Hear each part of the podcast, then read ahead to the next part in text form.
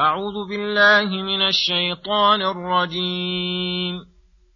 فما كان جواب قومه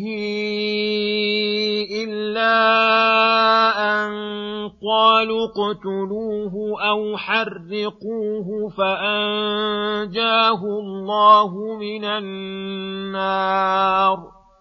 إن في ذلك لآيات لقوم يؤمنون وقال إنما اتخذتم من دون الله أوثانا مودة بينكم في الحياة الدنيا ثم يوم القيامة يكفر بعضكم ببعض ويلعن بعضكم بعضا ومأواكم النار وما لكم من ناصرين فآمن له لوط وقال إني مهاجر إلى ربي إنه هو العزيز الحكيم.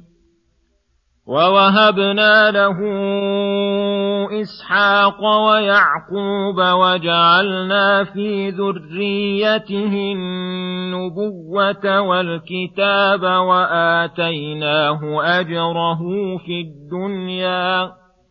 وانه في الاخره لمن الصالحين ولوطا اذ قال لقومه انكم لتاتون الفاحشه ما سبقكم بها من احد من العالمين أئنكم لتأتون الرجال وتقطعون السبيل وتأتون في ناديكم المنكر فما كان جواب قومه إلا أن قالوا ائتنا بعذاب الله إن كنت من الصادقين قال رب انصرني على القوم المفسدين ولما جاءت رسلنا إبراهيم بالبشرى قالوا قالوا أنا مهلكو أهل هذه القريه ان اهلها كانوا ظالمين قال ان فيها لوطا قالوا نحن اعلم بمن فيها لننجينه واهله الا امراته كانت من الغابرين ولما أن جاءت رسلنا لوطا سيء بهم وضاق بهم ذرعا وضاق بهم ذرعا وقالوا لا تخف ولا تحزن. إنا منجوك وأهلك إلا امرأتك كانت من الغابرين إنا منزلون على أهل هذه القرية رجزا من السماء بما كانوا يفسقون ولقد تركنا منها آية بينة لقوم يعقلون. بسم الله الرحمن الرحيم. السلام عليكم ورحمة الله وبركاته. يقول الله سبحانه: فما كان جواب قومه إلا أن قالوا اقتلوه أو حرقوه فأنجاه الله من النار إن في ذلك لآيات لقوم يؤمنون. وكأن هذه الآيات معترضات بين كلام إبراهيم لقومه وردهم عليه والله أعلم بذلك. أي فما كان مجاوبة قوم إبراهيم لإبراهيم حين دعاهم إلى ربه قبول دعوته والاهتداء بنصحه ورؤية نعمة الله عليهم بإرساله إليهم. وإنما كان مجاوبتهم له شر مجاوبة. قالوا اقتلوه أو حرقوه أشنع القتلات وهم أناس مقتدرون. لهم السلطان فألقوه في النار فأنجاه الله منها. إن في ذلك لآيات لقوم يؤمنون فيعلمون صحة ما جاءت به الرسل وبرهم ونصحهم وبطلان قول من خالفهم وناقضهم وأن المعارضين الرسل كأنهم تواصوا وحث بعضهم بعضا على التكذيب. وقال لهم إبراهيم في جملة ما قاله من نصحه إنما اتخذتم من دون الله أوثانا مودة بينكم في الحياة الدنيا. أي غاية ذلك مودة في الدنيا ستنقطع وتضمحل ثم يوم القيامة يكفر بعضكم ببعض ويلعن بعضكم بعضا.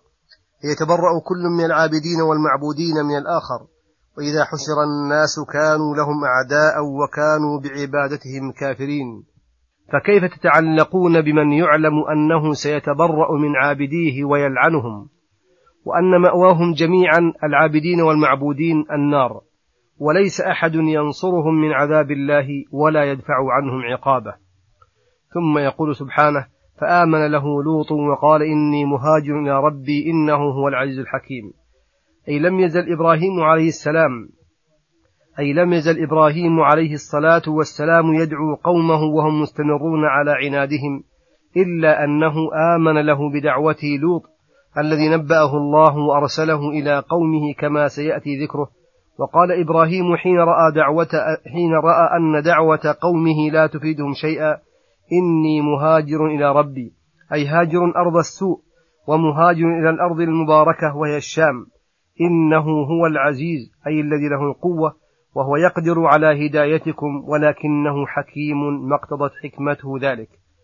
ولما اعتزلهم وفارقهم وهم بحالهم لم يذكر الله عنهم أنه أهلكهم بعذاب بل ذكر اعتزاله إياهم وهجرته من بين أظهرهم.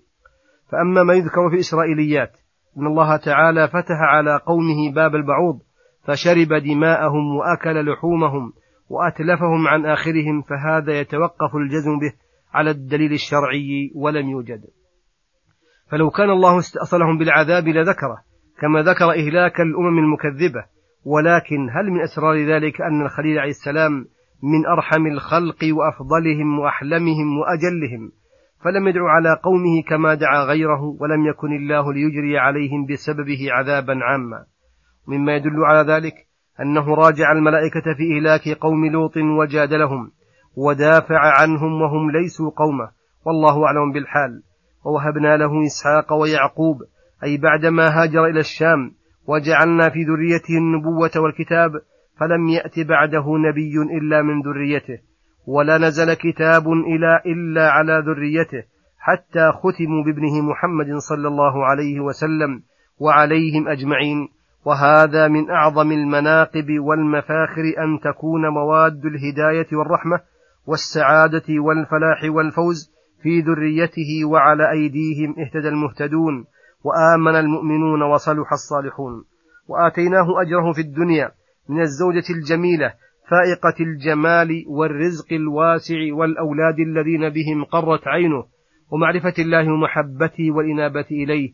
وإنه في الآخرة لمن الصالحين. بل وهو محمد صلى الله عليه وسلم أفضل الصالحين على الإطلاق وأعلاهم منزلة فجمع الله له بين سعادة الدنيا والآخرة. ثم تقدم أن لوطا عليه السلام آمن بإبراهيم وصار من المهتدين به وقد ذكروا أنه ليس من ذرية إبراهيم وإنما هو ابن أخي إبراهيم فقوله تعالى وجعلنا في ذريته النبوة والكتاب وإن كان عاما فلا يناقض كون لوط نبيا رسولا. وهو ليس من ذريته لأن الآية جيء بها لسياق المدح والثناء على الخليل. وقد أخبر أن لوطا اهتدى على يديه ومن اهتدى على يديه يكمل مما اهتدى من ذريته بالنسبة إلى فضيلة الهادي والله أعلم. فأرسل الله لوطا إلى قومه وكانوا مع شركهم قد جمعوا بين فعل الفاحشة في الذكور وقطع السبيل وفشو المنكرات في مجالسهم.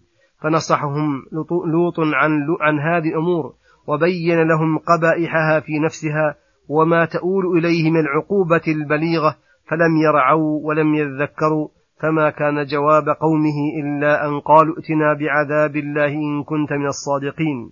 فأيس منهم نبيهم وعلم استحقاقهم العذاب وجزع من شدة تكذيبهم له فدعا عليهم وقال رب انصرني على القوم المفسدين. فاستجاب الله دعاءه فأرسل الملائكة لإهلاكهم فمروا بإبراهيم قبل ذلك وبشروه بإسحاق ومن وراء إسحاق يعقوب. ثم سألهم إبراهيم أين يريدون؟ فأخبروه أنهم يريدون إهلاك قوم لوط. فجعل يراجعهم ويقول إن فيها لوطا. فقالوا له لننجينه وأهله إلا امرأته كانت من الغابرين. ثم مضوا حتى أتوا لوطا فساءهم مجيئهم مجيئهم فساءه مجيئهم وضاق بهم ذرعا بحيث إنه لم يعرفهم. وظن أنهم من جملة الضيوف أبناء السبيل. فخاف عليهم من قومه فقالوا له لا تخف ولا تحزن. وأخبروه أنهم رسل الله. إنا منجوك وأهلك إلا امرأتك كانت من الغابرين. إنا منزلون على أهل هذه القرية رجزا أي عذابا من السماء بما كانوا يفسقون. فأمروه أن يسري بأهله ليلا. فلما أصبحوا قلب الله عليهم ديارهم فجعل عاليها سافلها. وأمطر عليهم حجارة من سجيل متتابعة حتى أبادتهم وأهلكتهم فصاروا سمرا من الأثمار وعبرة من العبر ولقد تركنا منها آية بينة لقوم يعقلون. أي تركنا من ديار قوم لوط آثارا بينة لقوم يعقلون العبر بقلوبهم فينتفعون بها كما قال تعالى وإنكم لتمرون عليهم مصبحين وبالليل أفلا تعقلون؟ وصلى الله وسلم على نبينا محمد وعلى آله وصحبه أجمعين. وإلى الحلقة القادمة غدا إن شاء الله. والسلام عليكم ورحمة الله وبركاته.